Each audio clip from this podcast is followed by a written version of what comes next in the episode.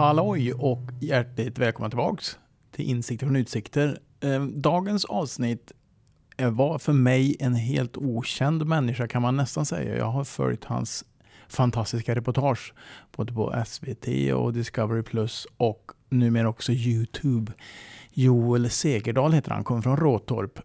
Eh, men jag har aldrig träffat denna man. Men det blev väldigt, väldigt nära och sådär, när, när samtal blir sådär bra som man vill. Så det här avsnittet är ett sådant här avsnitt som jag känner att det är precis det här jag vill göra. Och som jag vill att ni lyssnar på. Så varför ska vi vänta med detta? Nu kör vi igång eh, avsnitt 48 av Insikter från Utsikter.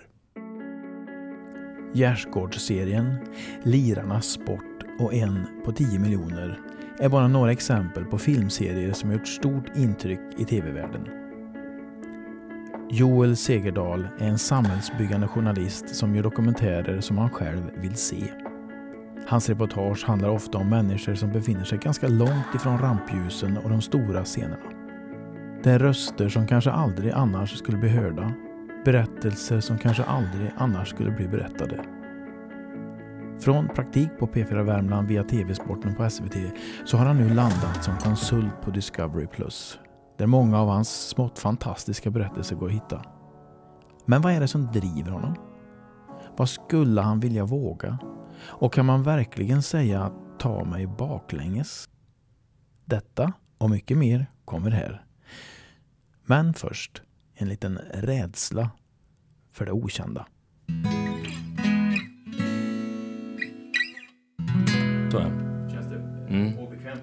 Ja, men, det, men det, alltså, allt här känns obekvämt. Nej, jag skojar. Ja, men du som inte är van att bli intervjuad. Ja, Du är ju mera... ja, Du brukar sitta där jag sitter nu. ja. Ja, hur känns det då? Ehm, ja det, det känns fruktansvärt på ett sätt. Eh, jag är livrädd. Nej, men det känns ju som att ehm, man är lite så här rädd att jag ska upptäcka saker om mig själv som man liksom har gömt undan. Eller kanske aldrig har upptäckt. Sådär. Vi får se. Ja, så det är ju läskigt. Men vad fan, jag utsätter folk för det här hela tiden ju, så det är väl inte mer rätt att jag får smaka på min ena medicin. Just det. Payback time. Ja. Kära lyssnare. Hjärtligt välkomna till ett nytt avsnitt av Insikter från Utsikter. Och idag sitter vi där vi har gjort någon gång förut hemma hos mig på övervåningen och tittar ut genom mitt fönster som jag har på gaveln och ser då Kilsravinerna. Och tillsammans med mig sitter här avsnittets gäst, Joel Segerdal. Hjärtligt välkommen. Tack för att jag fick komma. Om man bara känner igen namnet Joel Segerdal, hur, hur brukar du presentera dig? Nej, nej men ifall jag ska presentera mig så, så är det väl eh, i min yrkesroll som någon form av producent eller dokumentärfilmare typ. Eh, och eh, så är det väl att jag vill eh, berätta en historia om personen som jag hör av mig till. Typ. Det är väl den gången jag berättar vem jag är. Vi kommer ju givetvis prata mer om det och dina fantastiska filmer, vill jag påstå. Men jag tänkte vi skulle börja med en liten faktaruta. Med lite hårdfakta om dig. Alltså korta svar. Jag ställer korta frågor, du ställer... Ja, fan, jag trodde du skulle ha svaren, för jag kommer inte ha det. Det tror jag. Ja. Fullständigt namn, Eh, Joel John Olof Segerdal. ålder, Eh, jag, jag, jag, jag var faktiskt tvungen att googla mig själv häromdagen för att, för att få reda på hur gammal jag var. Jag trodde jag var 27, jag är 26 är jag. ja, Ja, än så länge. det är rätt. Ja. Civilstånd, Singel. familj, Eh, ja, alltså jag har ju familj, men jag har ju ingen egen familj. Kan man säga så eller? ja, det tror jag alla svar är rätt här. Ja. Jag, har- jag har en, men ingen egen. Nej. Mamma, pappa, har du mycket syskon? Eh, alldeles för många. Eh, mina föräldrar är ju skilda så att jag har ju, jag har ju bonusfamiljer. Ah. Eh, så Upplever du som jag får alldeles nästan för googla många? det igen, hur många syskon jag har. Upplever du all- att de är alldeles för många? ja, men det gör jag. För nu, nu framförallt när, när de börjar få barn också. Ja. Eh, alltså om jag själv får barn och ska börja beskriva vilket, vem den där ungen som springer omkring där är för mina barn. Mm. Jag behöver ha liksom en sån här stor jävla powerpoint med alla grenar. Okej. För att båda mina föräldrar som sagt skilda och så har ju de skaffat nya familjer. Ja. Och sådär. Eh, och så att det är ju väldigt, väldigt många. Jag tror det är någonstans under 10, 9 bonussyskon tror jag. Det är rätt så många. Ja. Rolig sägningen då att båda föräldrarna är skilda.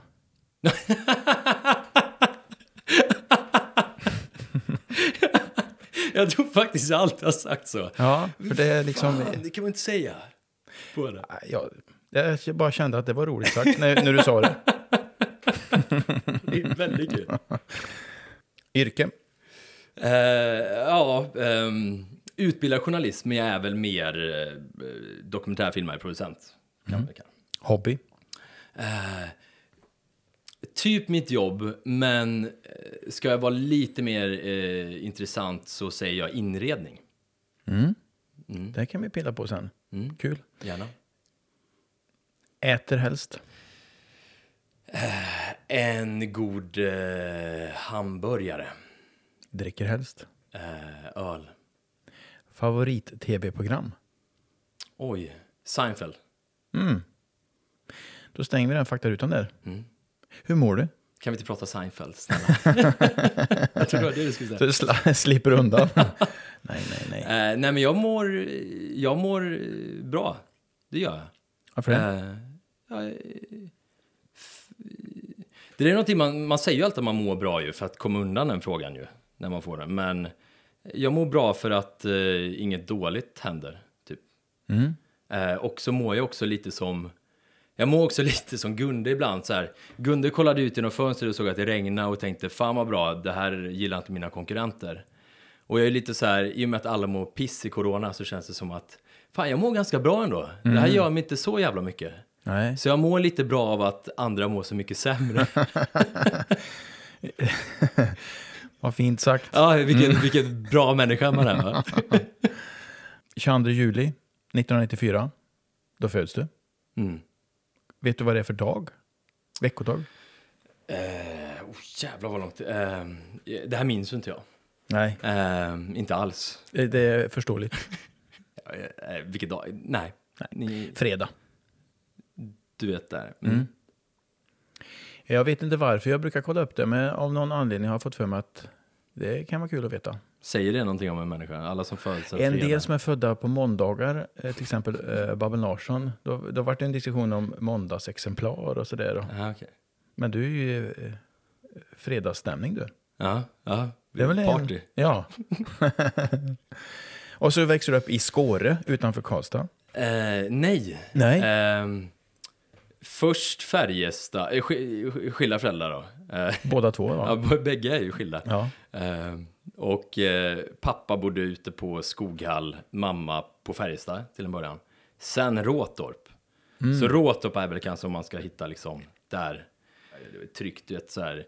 En gata genom hela och eh, bara cykla överallt och fotbollsplanen låg ju precis. Jag såg ju fotbollsplan från mitt pojkrum så här. Så jag kunde se vilka som lirade. Ifall det var något jag missade. Ehm, För fotboll har varit rätt så centralt. Ja, i ditt ja, liv. ja. Oh, ja.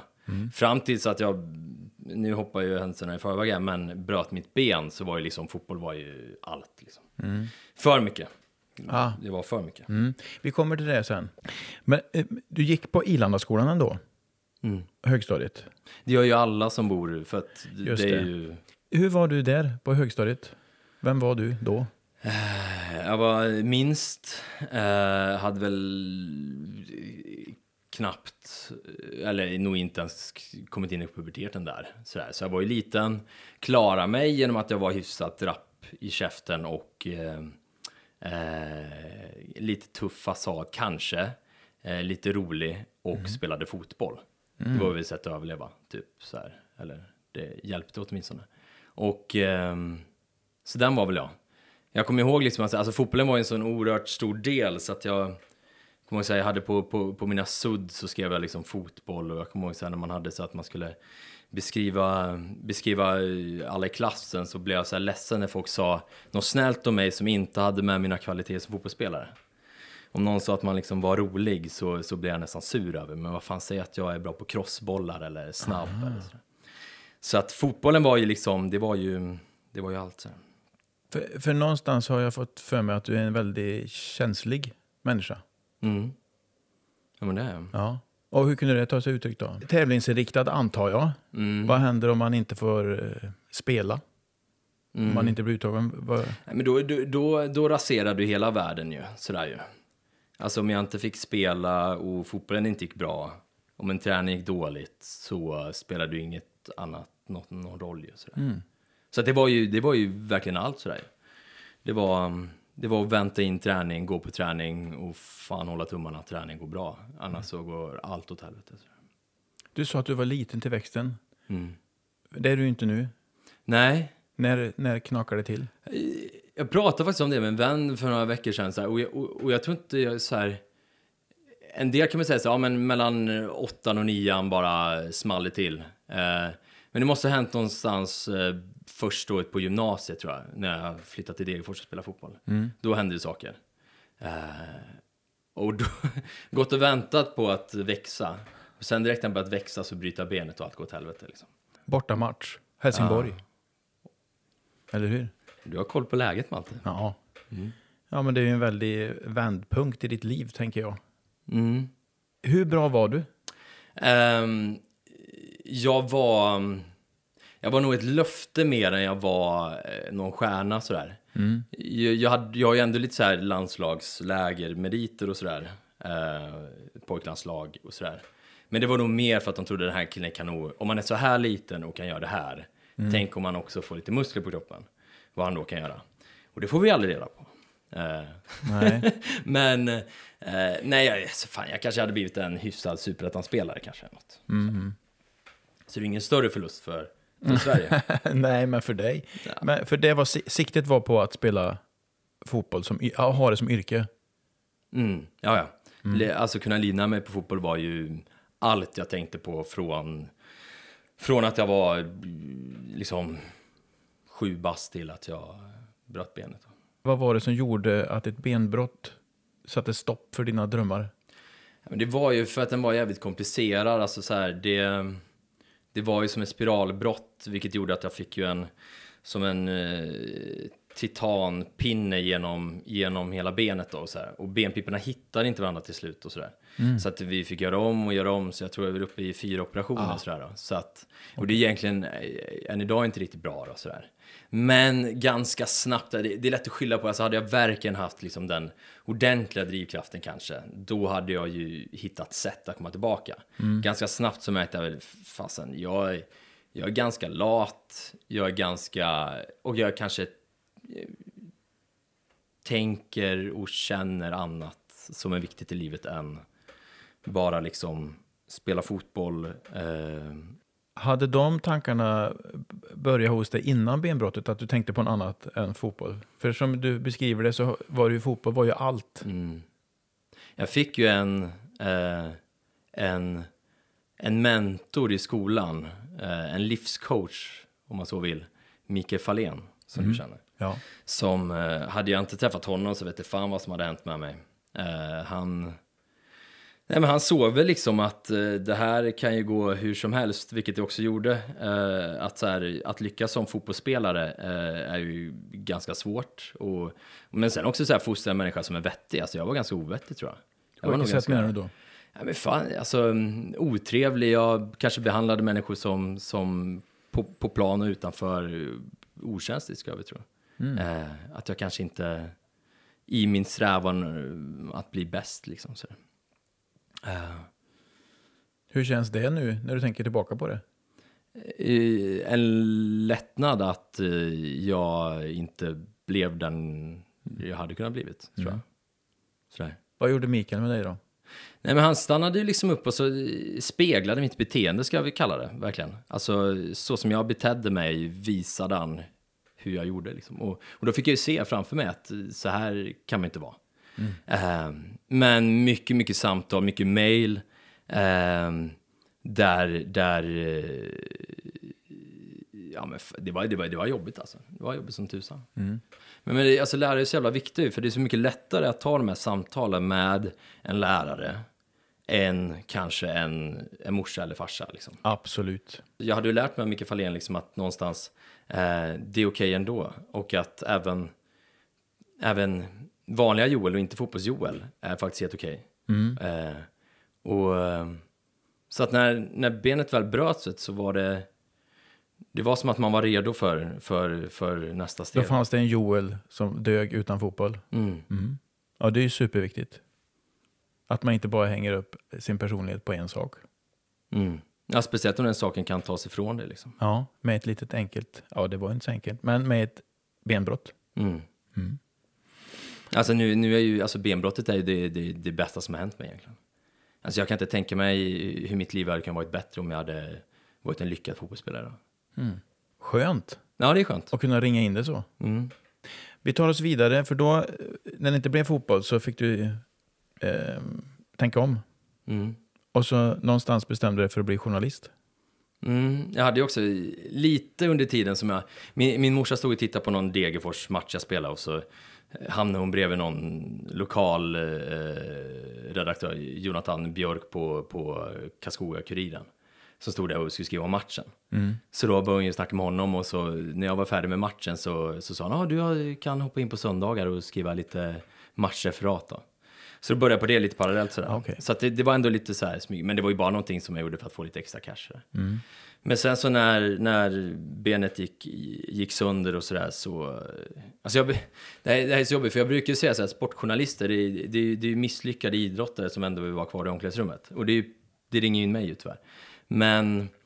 Eh, och det, och det, det, det, det, det formar också innehållet ibland. Men... Ehm, alltså om jag berättar om min bakgrund som, som den här fotbollstoken nu, då, då, då, då får ju folk direkt en bild av vad min yrkesgärning är också. Medan jag idag är jag ju fullständigt ointresserad av, av egentligen sporten. Eh, utan jag är ju intresserad av berättelserna. Ju. Sådär. Så, så, så därför gömmer jag ibland lite bakgrunden sådär, att man själv är fotbollsspelare. Så. Jag söker ändå in till journalistutbildningen Linnéuniversitetet i Kalmar. Eh, och eh, kommer in som reserv.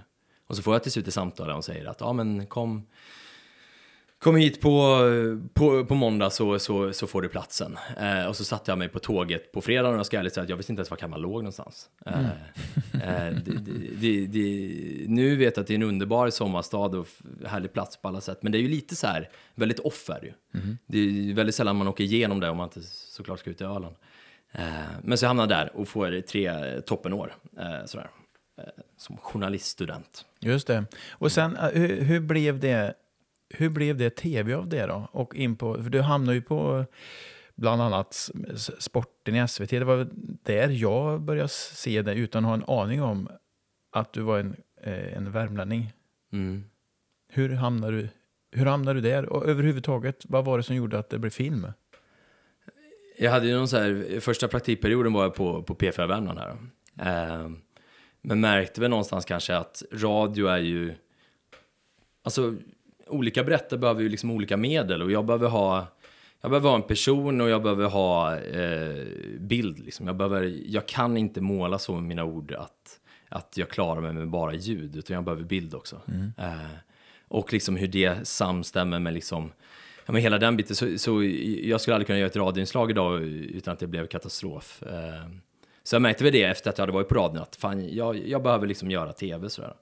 Och då får jag nästa praktikperiod då, så får jag ju eh, så får jag praktikplats på TV-sporten, SVT. Och är kvar där i två år ungefär.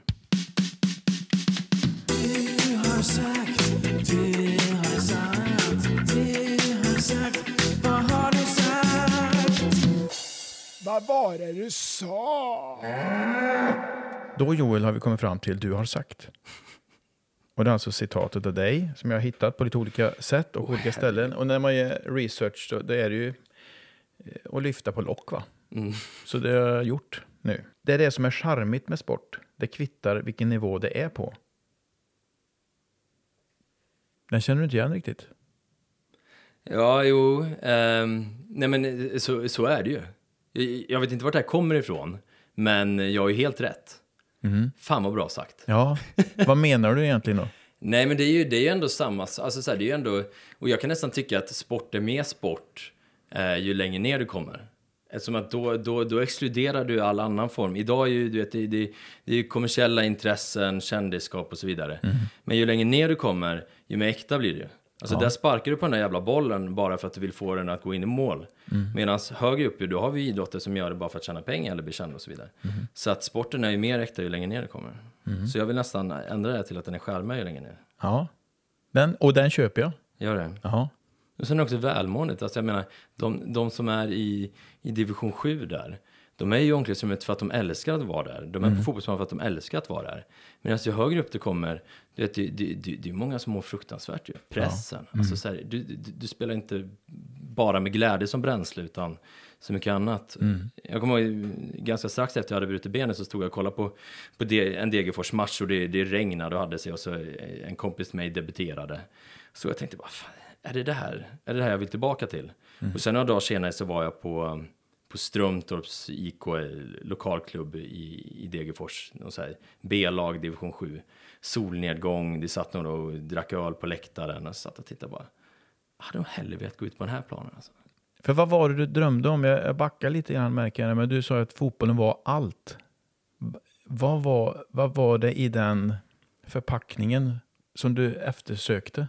För jag märker att när du väl petar hål på den där genom att bryta benet så, så, så var det ju ingenting i den asken som du ville ha tydligen. Så vad var det i asken från början? Mm. Nej, det är en jävligt bra fråga. Alltså nu, nu, nu, nu har jag knappt ett svar på det. Det var väl en pojkdröm och liksom att få och få liksom gå ut på de stora arenorna, spela inför en fullsatt publik som, som en arena som fullständigt kokar. Eh, och, och helt ärligt, så så här, det, det vet jag ju än idag, att så här, gav en fotbollsplan, om det så bara var fem i publiken, men gav en fotbollsplan och vet att du var bäst på plan. Det är ju en känsla som är svår att slå ju. Men sen den känslan infinner sig väldigt, väldigt sällan. Och det är så många mycket sämre känslor som, som, som, som eh, istället är där. Eh, men det är nog just den känslan tror jag faktiskt, att gå ut på en eh, på ett fullsatt eh, Är det en egotripp vi pratar om? Ja, jo, men det är det ju. Ja. Oh, ja. Är du beredd på nästa? Jag har bara ett enda karriärsmål och det är att få hoppa in som programledare i Karlavagnen i P4 under en enda kväll. Det, det, det där är ju mycket också bara för att jag, jag har ju inga, och där, och där är det verkligen helt jag har verkligen inga andra karriärsmål. Eller jag har egentligen inga karriärsmål. Det här är ju bara någonting som har varit kul att göra ju. Ehm, Det är ingen som har nappat på det där. Nej, de har ju inte det. Säger någonting om mig. Men, nej, och jag, jag vill ju inte heller, jag hade nog kanske sagt nej om det hade hänt nu för jag tycker inte att jag riktigt är mogen för det. Men någon gång skulle jag vilja sitta där. Vad menar du? Hur mogen ska man vara tänker du? Ja, men det känns som att man, man eh, bör väl ändå vara, mm, kanske ett namn som folk känner till också. Eh, men framförallt, jag tror jag hade blivit lite för nervös nu tror jag. Jag hade, jag hade tyckt det varit lite för stort tror jag. Så jag tror jag behöver... eh, Nej, men inom en tioårsplan kanske? Ja, sen också är det, alltså, jag har ju satt det som ett mål bara för att ha någonting, för jag tycker att det är oerhört deprimerande att inte ha någonting ju. Eh, så det hade varit väldigt trist då om jag eh, uppfyllde det eh, nu. Då har jag verkligen inget kvar ju. Nej. Och jag vill, jag vill ju göra det här också för att jag vill ju att någon gång att folk ska ringa till mig och vilja berätta istället för att jag ska behöva ringa och jaga andra. Vi tar nästa. Allt jag förstår av fotboll lärde jag mig i Degerfors. Ett fantastiskt samhälle med otroliga personer. Eh, men så är det ju, verkligen. Och det tyckte jag man märkte nu också när Degerfors gick upp här. Jag gjorde en, en liten film om det, en summering av vad som hände. Och eh, det är unikt att det finns en sån plats i Sverige. Alltså när vi, som vi pratade om tidigare, alltså när, när, när fotbollen är sån stor ekonomisk maskin eh, så ska det inte vara möjligt att det finns klubbar som Degerfors, eh, Mjällby, Varberg i högsta serien. Det, det, det, ska inte vara möjligt. Så, här. så att det är ju viktigt för svensk fotboll att, att eh, Degerfors finns där ju. Och det är ju verkligen så att det, det behandlas ju fotboll ju, rakt av.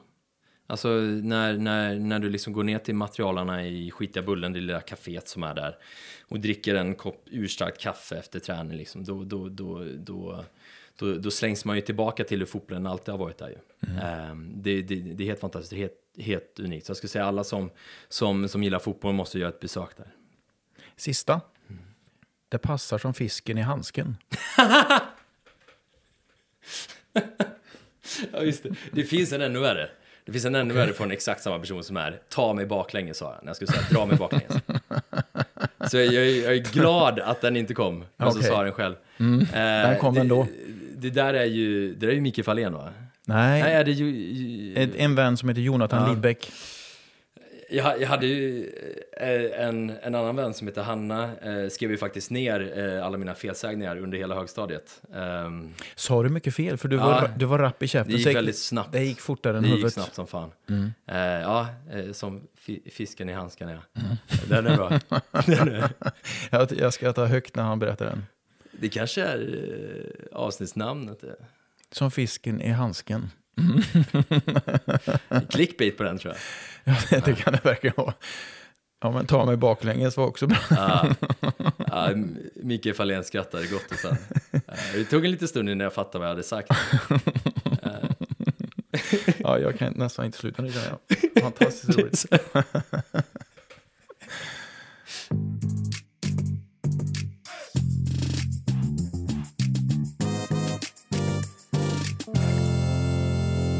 Sponsorsnack. Vit älg har det funnits länge i Värmland.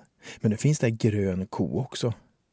Grön ko är ett företag som gör mat. Matlådor skulle man kunna säga. Färdiglagad färsk mat som man stoppar rätt in i mikron och så drar man på full effekt och så piper förpackningen när maten är klar. En grön ko som skriker som en gris. Det låter nästan för bra för att vara sant. Knut, som är chef på Grön ko, gav mig en hög med matlådor för att jag skulle smaka och sen prata gott om maten. Och man ska ju inte ljuga.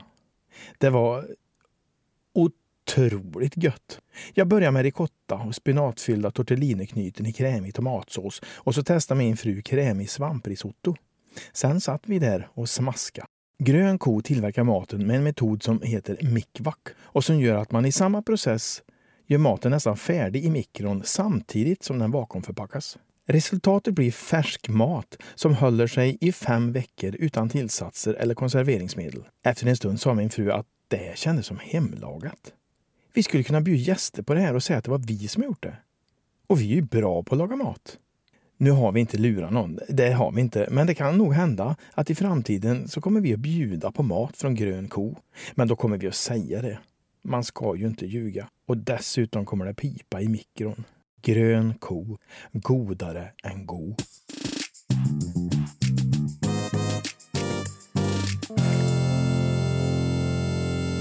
Eh, Jag tänkte vi skulle prata om dina reportage. mm. Dina reportage handlar ju ofta om människor i utkanten, kan jag tycka. Som kanske inte är mitt i samhället, utan en bit ut. Mm. Varför är det så, tror du? Men de ger mig någonting. Alltså, alltså träffa en eh, halvbra fotbollsspelare i Allsvenskan ger ju mig ingenting liksom. Uh, en människa där som, som, alltså jag brukar tänka så här, alltså så här, det värsta som finns är att intervjua en medveten människa. Och medvetna människor har vi väldigt många som är. Och den personen, en medveten människa, är medveten om eh, hur det den säger ska tas emot. Och kanske då ändra hur den säger det, ändra hur den är efter hur den tror att det tas emot ju. Medan en, Sitter du och tänker så nu? ja men det kan man, det, jag är absolut medveten människa, det är jag. Men det är fantastiskt att sitta med en människa som skiter blanka fan i hur det tas emot det den säger. För då kan precis vad som helst hända och saker sägs som, som aldrig har sagts förut ju.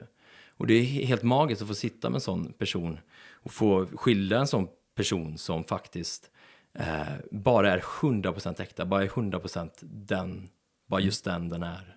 Är det det som, är det liksom drivkraften? Ja, Drivkraften är ju att göra filmer för mig själv om man ska vara helt ärlig. Alltså, jag, jag samlar på historier, jag samlar på att sitta på, jag vill sitta på en, på en, på en altan när jag är gubbe och bara, för helt ärligt så här, det, det är ju ingen som då kommer sitta och titta tillbaka på de historierna jag har gjort, utan då är det ju jag själv som kommer göra det. Så att det är därför jag gör filmer för mig själv, för att tänka så att vad underbart att det finns en sån här person i Örkelljunga. Och den här finns i Parkalombolo. Och den här i Deje. Eh, och det är det jag också försöker visa för människor. För när jag, för när jag träffar någon nu och blir helt tagen av det och blir helt såld på den här historien. Så känner jag så här, ah, vad underbart att få berätta det här för någon annan. Att få presentera att alla ska få reda på vem den här är. Det, det jag själv känner vill man ju att andra ska känna också. Och det är det som är så underbart med mitt jobb. Det är de stunderna där jag har berättat någonting och så får jag höra att folk kände exakt samma sak. Och att folk blir påverkade på det sättet jag blir påverkad. Om de blir glada eller ledsna. Ja, för vad, vi- vad vill du egentligen med dina filmer? Vad vill jag med mina filmer? Ehm. Fan, det är så pretentiöst att sitta här liksom och säga att man har massa sådana här, nej men fan jag vill förändra världen, men det, det, det, jag vill få ta mig in i människors vardagsrum en liten, liten stund och få säga, hörni, det här vill jag att du ska veta om. Den här personen finns, den här historien finns. Eh, och få liksom, få, få göra en liten paus i deras vardagliga besvär eller vad det är. Och kunna, kunna få berätta en liten fin historia. Det är vad man kanske vill. Och varför vill du det? Alltså jag kan tycka så här idag att det är eh, med det sociala medieliv vi alla lever så ser vi ju liksom perfekta människor och, och, ehm, och vi programmeras till att alla ska vara samma jävla robot. Eh, Medan jag tycker att det är det värsta som finns. Jag vill ju att vi ska försöka hylla det fina med det udda, liksom. Att få vara sig själv och få vara kanske lite annorlunda. Eh, men tyvärr är det så att de som växer upp nu, de, de har ju alla liksom, tillgång i telefonen till hur livet ska vara och hur man ska bete sig och hur man ska se ut.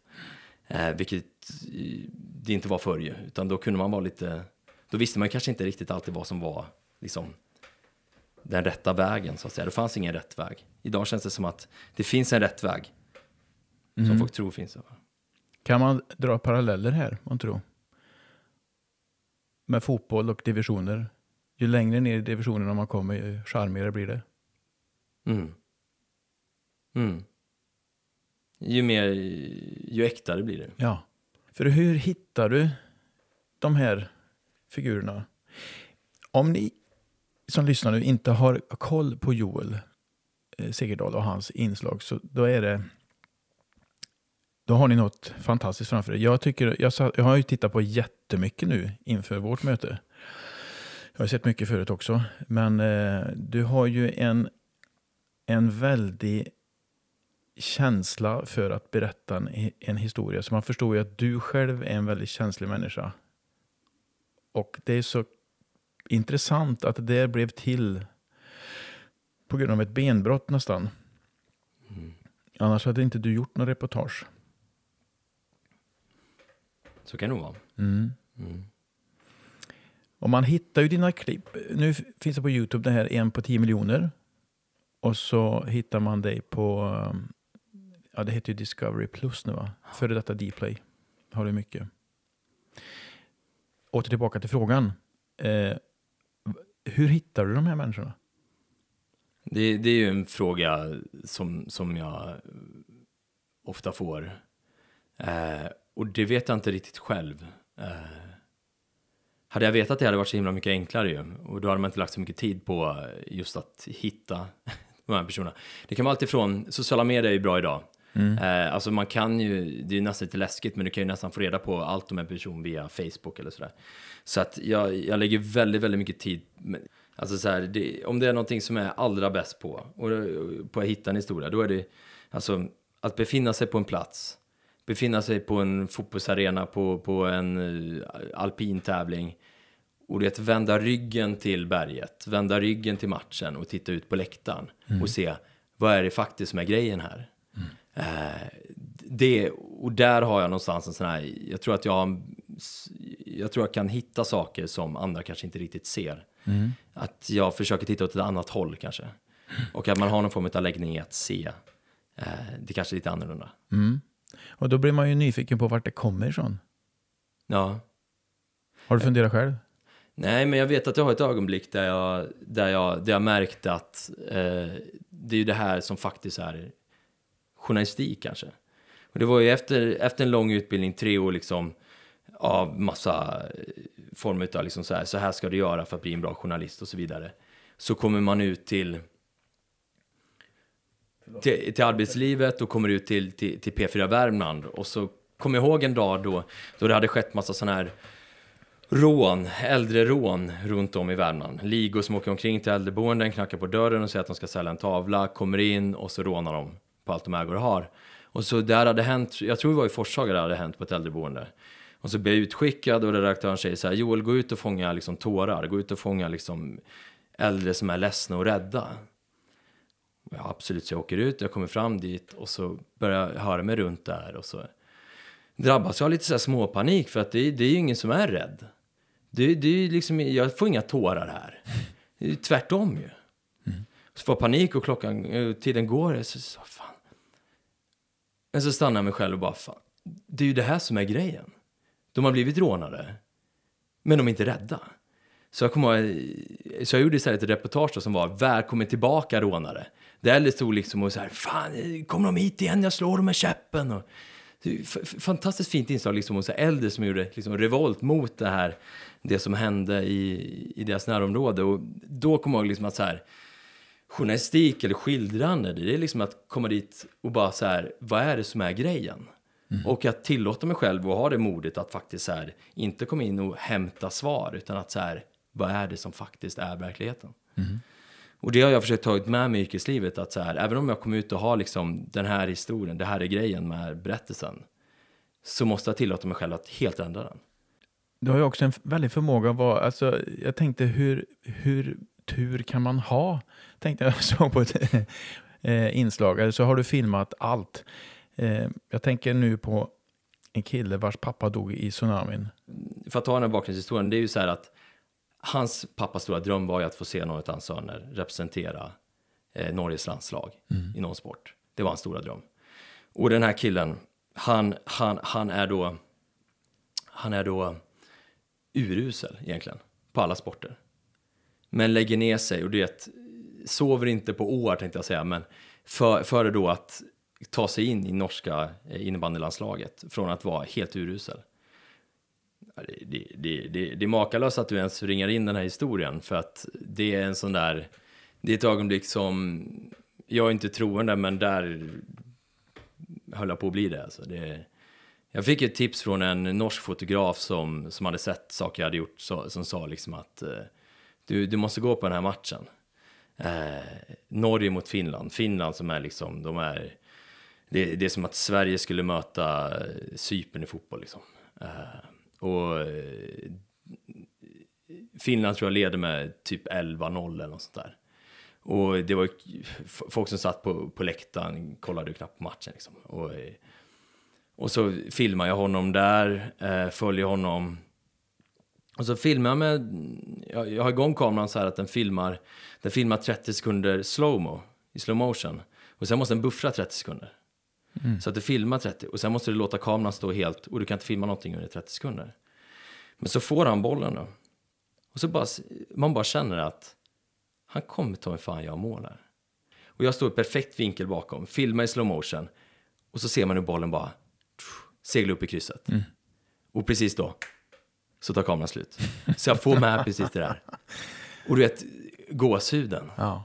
Helt ofattbart. Förbannat jäkla starkt med det här är liksom att jag får höra sen, för, för runt om i arenan, det är ju ingen jubel. Är, han gör ett mål och de ligger under med 11-1. Mm. ja. Det är ingen som bryr sig. Och han, och, och han vrålar ju som att han har avgjort en VM-final. Och hans lagkamrater fattar precis vad det handlar om. De fattar vad det betyder. De är ju så att en precis liten lika klick där inne fattar vad det här betyder. Att det här betyder allt. Mm. Efteråt så är han i intervju med mig och, och, och gråter ut. Och, men sen får jag höra folk som satt på läktaren då, som sen när de hade sett det reportaget sa liksom att hade ingen aning om det där. Liksom. Nej. Så helt otroligt att få vara på en sån arena som det betyder allt för en liten, liten klick och resten fattar ingenting. Mm. Jag tänkte på en annan film också det, eh, som hette Taxi-Larsson. Mm. Och jag kände hur, hur mycket parallellt är det här med ditt liv? Nu har jag ju fått någon annan bild här, men när jag satt och tittade på den för då sitter Taxi-Larsson som kör taxi som egentligen vill vara målvaktstränare. Så han tar all tid han kan åka och kika på träningar för att lära sig saker.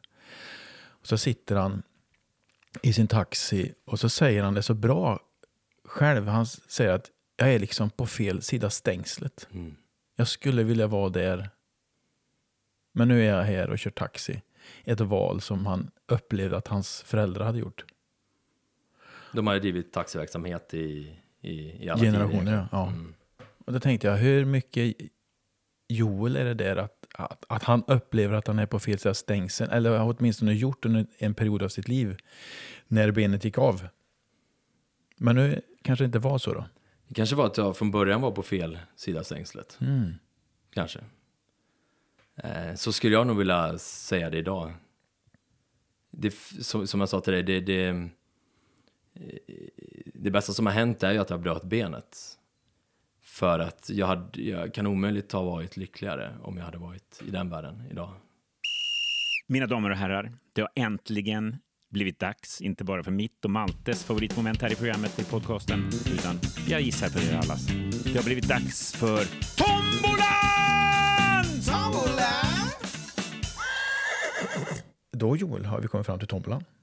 I här, eh, om du undrar, så finns det frågor. Eh, en del har jag skrivit själv, några har jag snott, några har jag fått av gäster. Så snurra på och så, om jag bara gör en sån här ja du är, du är artistisk fri.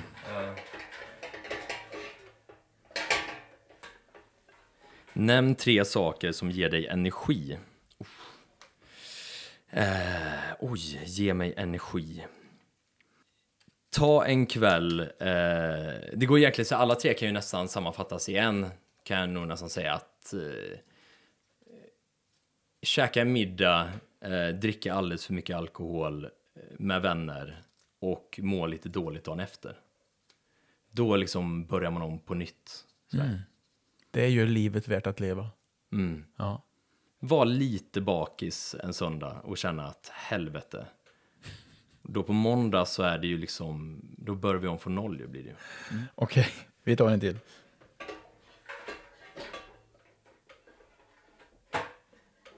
Vad skulle du vilja våga göra? Oh, fan, det, det här var en bra fråga.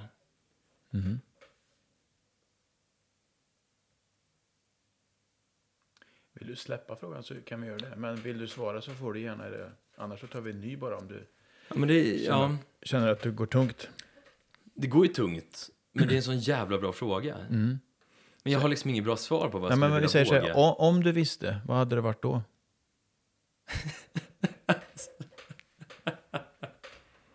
Du... Ja, men jag har nog, jo, jo jag, har, jag, jag har en alldeles för uppenbar så här då. Och den är nästan lite jobbig. Så här. Eller den är jobbig, är den. Ja.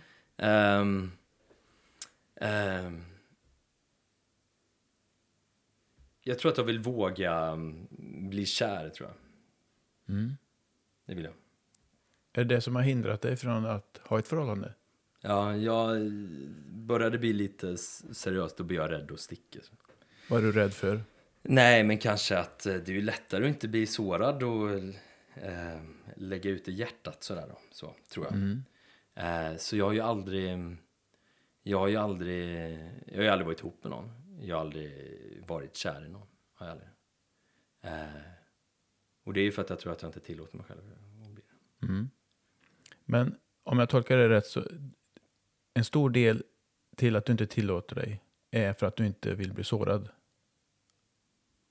Alltså livet, mitt liv är ju bra. Men det är ju en död mans EKG. ja, men det är ju monotont. Det är en rak linje liksom. Det är inga toppar, inga dalar riktigt sådär. Och det vill du ha. Det är klart man vill. Man vill ju känna mer ju. Och känna allt sådär. Och om du blir sårad, vad är det som blir sårat i dig? Eftersom du är så rädd för det. Nej, men jag vill bara rädda att liksom hela, om det tar över så mycket så, så det är väl en hemsk känsla eh, när det tar slut, att eh, en känsla av att livet inte blir detsamma. Men du, hur vet du det? För det har jag hört, att det blir så. Och så är det också läskigt att vara beroende av, nu är jag ju, nu är jag ju bara beroende av min egna välmående och lycka och eh, åsikter och sådär. Eh, och tankar vad man ska göra och inte göra. Eh, Medan om du, du har någon i livet så är du ju, du är ju inte bara, det är inte bara dig. Så um, det blir Nej. betydligt svårare då ju. Att, Vi pratade paralleller förut med division 3 och Att det är charmigare längre ner. Jag tänker på en parallell här. Att du är så tacksam för att du bröt benet. För det öppnade upp ett nytt liv. Så frågan är, vad skulle hända om du bröt själen en gång?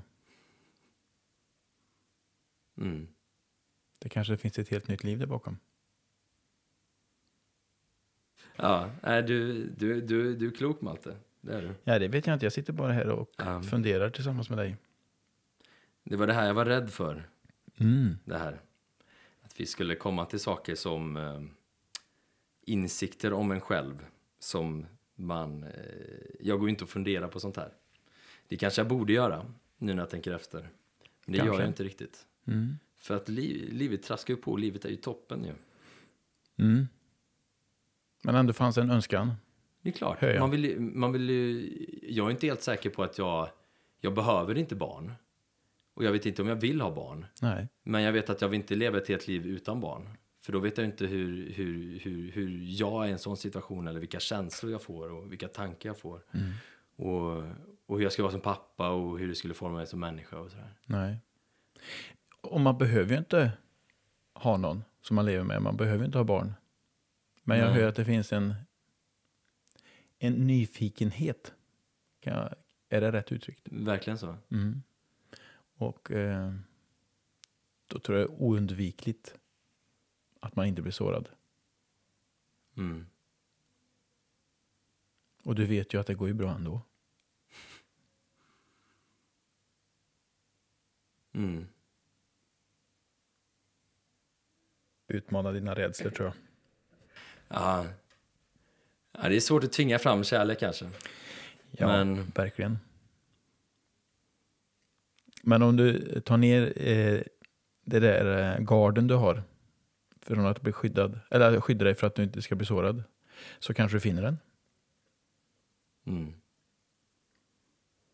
Det här blir efter Karlavagnen. ja, absolut. Ska vi ta en sista? Ska vi ta en sista? Mm. Om du törs. Hur skulle din bästa kompis beskriva dig, både plus och minus? Alltså, min äldsta kompis Hanna eh, sa till mig, Joel, du kanske borde prata med någon, senast vi pratade. Eh, det gör jag ju nu, här, känner jag. Eh, men en annan beskrev mig lite roligt och sa, för att vara någon som älskar människor så mycket som du gör Joel, så avskyr dem verkligen. Kände du dig träffad där eller? Jag tyckte det var träffande, verkligen. För att jag, jag tycker ju om människor, men jag kan ju avsky hur många tillåter sig bli, kanske. Sådär. Eh, och beteenden och drag hos människor och sådär. Som jag tycker är eh, otrevliga och osympatiska. Sådär. Är, och då tänker du på vilka drag då? Jag kan tycka så här människor som, som ser ner på andra människor utan anledning har jag väldigt, väldigt svårt för. Vad, vad händer i dig då? då? Vad som händer? Ja, de, eh, de betyder noll för mig. Jag tycker att det är små människor. Sen gillar jag inte osäkra människor heller. Det har jag svårt för. Alltså osäkra människor, inte i form av liksom svaga, utan i form av alltså, osäkra människor som är, som är, eh, jag tycker att de kan vara farliga människor. Eh, Sådana som, sådana som, ett konkret exempel, eh, ser vem som är starkast i rummet och ändrar åsikt därefter. Det är väldigt så här, svagt människobeteende. Det, det, det, det har jag väldigt, väldigt svårt för. Jag, jag kommer alltid vara så här, så länge, så länge människor är äkta i, i mina ögon. Om de så tycker illa om mig då, då får de göra det. Men det måste vara äkta rakt igenom. Det tycker jag är viktigt.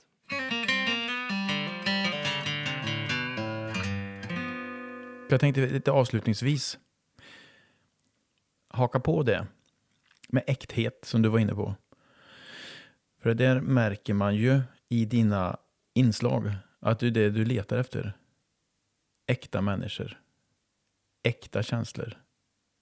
Du pratar om eh, det charmiga när sporten blir äkta, när man går ner i divisioner. Och du är äkta. Skulle jag vilja påstå. I alla fall i det här mötet. Du man ser på dig att du är en känslomänniska. Du blir blank i ögonen, eh, du rodnar då och då. Eh, det händer mycket i dig när vi sitter här.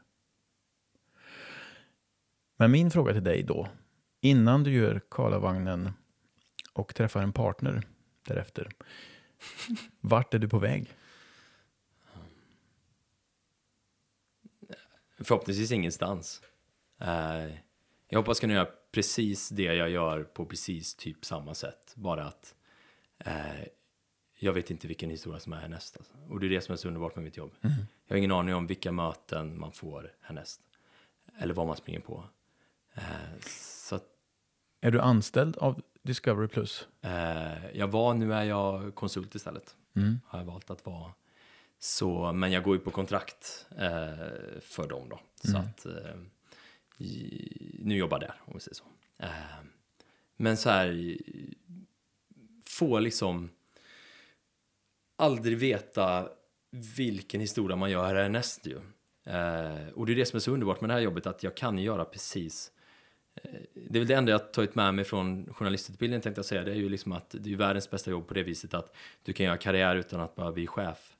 Eh, och jag vill kunna göra, jag vill kunna göra mina historier eh, och aldrig veta vad som kommer härnäst. Och eh, då behöver, jag vill ju såklart att fler ska se det, såklart. Det vill man ju alltid, att mm. fler ska se det. Mm. Men det är ju det enda.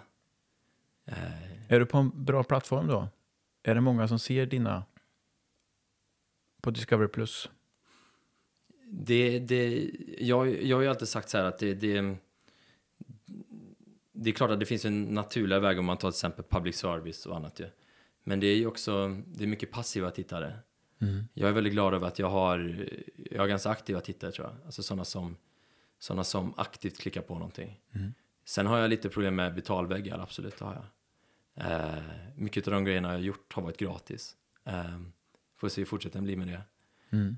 Men, hur länge har du haft din YouTube-kanal, den här en på 10 miljoner? Eh, den startade lite för ett år sedan, men mm. varit ganska inaktiv. Nu har jag försökt trappa upp det lite så. Ja. Men det är ju en liten sidoverksamhet egentligen.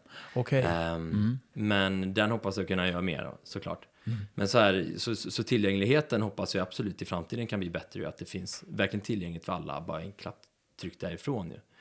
Men just att um, Nej, men det är det som är så underbart idag med att förr så var du tvungen att ta primetime i SVT för att få utrymme. Mm. Nu, nu, nu kan ju faktiskt alla skapa det. Så är det. Du skapar det här och nu och eh, det, på så vis är det en fantastisk tid vill jag i. Mm. Skulle du kunna göra en story om dig själv?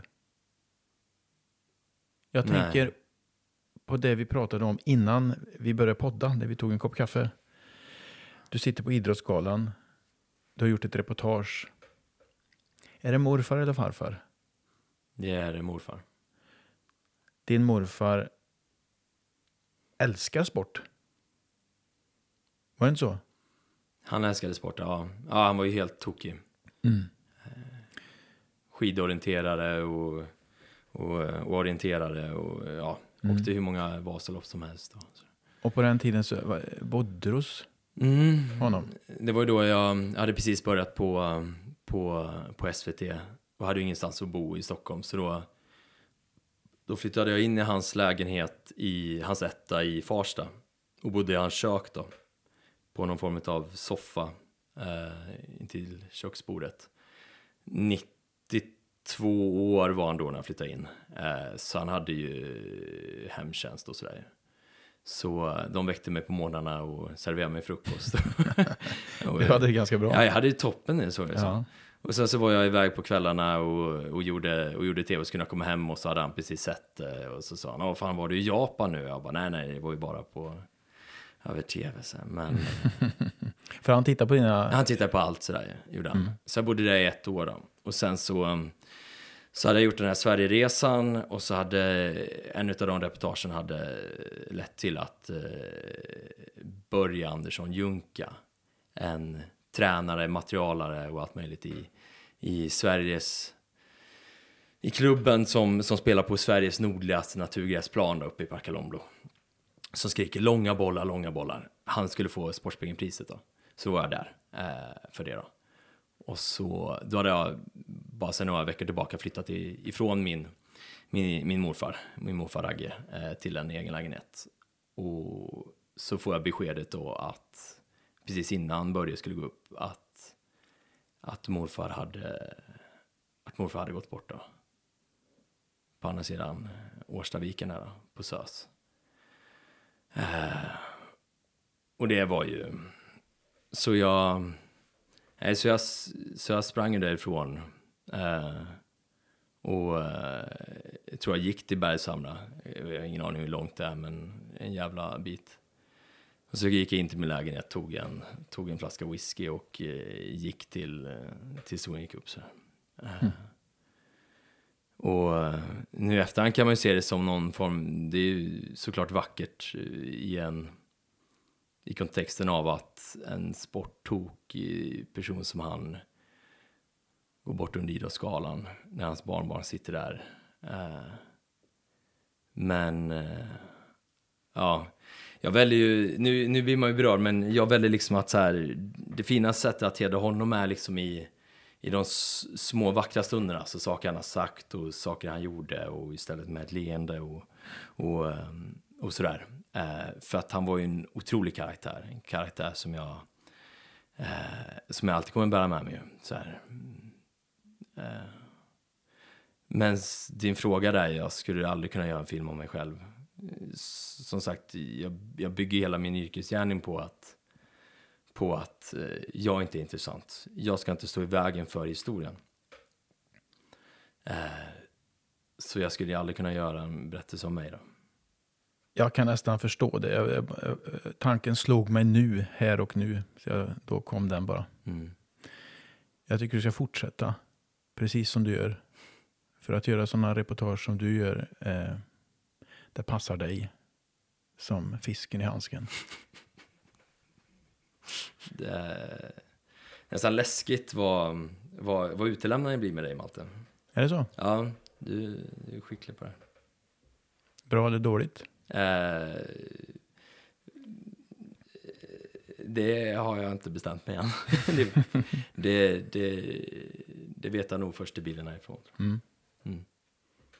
Känns okej? Okay? Ja, det gör det. Alltså så här, ja. verkligen Malte. Det, det var... Det var, det var, det var, det var, det var, en, det var en upplevelse alltså. Jag, mm. Det var nästan så som man inte... Nästan så som man inte äh, känner igen sig själv. Hur menar du då? Nej men att, äh, vadå är det så här jag är om jag själv pratar? Mm. Och det är nästan det. så att man nästan lite äcklad av sig själv, att man, fan vad jag babblar. Men det är ju lite konceptet att du ska babbla. Jo, jo men det är ju det. Men så här, det finns ingen tillstymmelse i mig att vilja fråga dig någonting. Nej. Och det, det, det, det har jag typ aldrig varit med om. Min nyfikenhet försvann och jag ville bara berätta om mig själv. Så det var ju läskigt alltså. Man bara, vad är jag för någon jävla... Vem fan är jag att sitta här och... Stort tack för att du kom. Tack för att jag fick komma.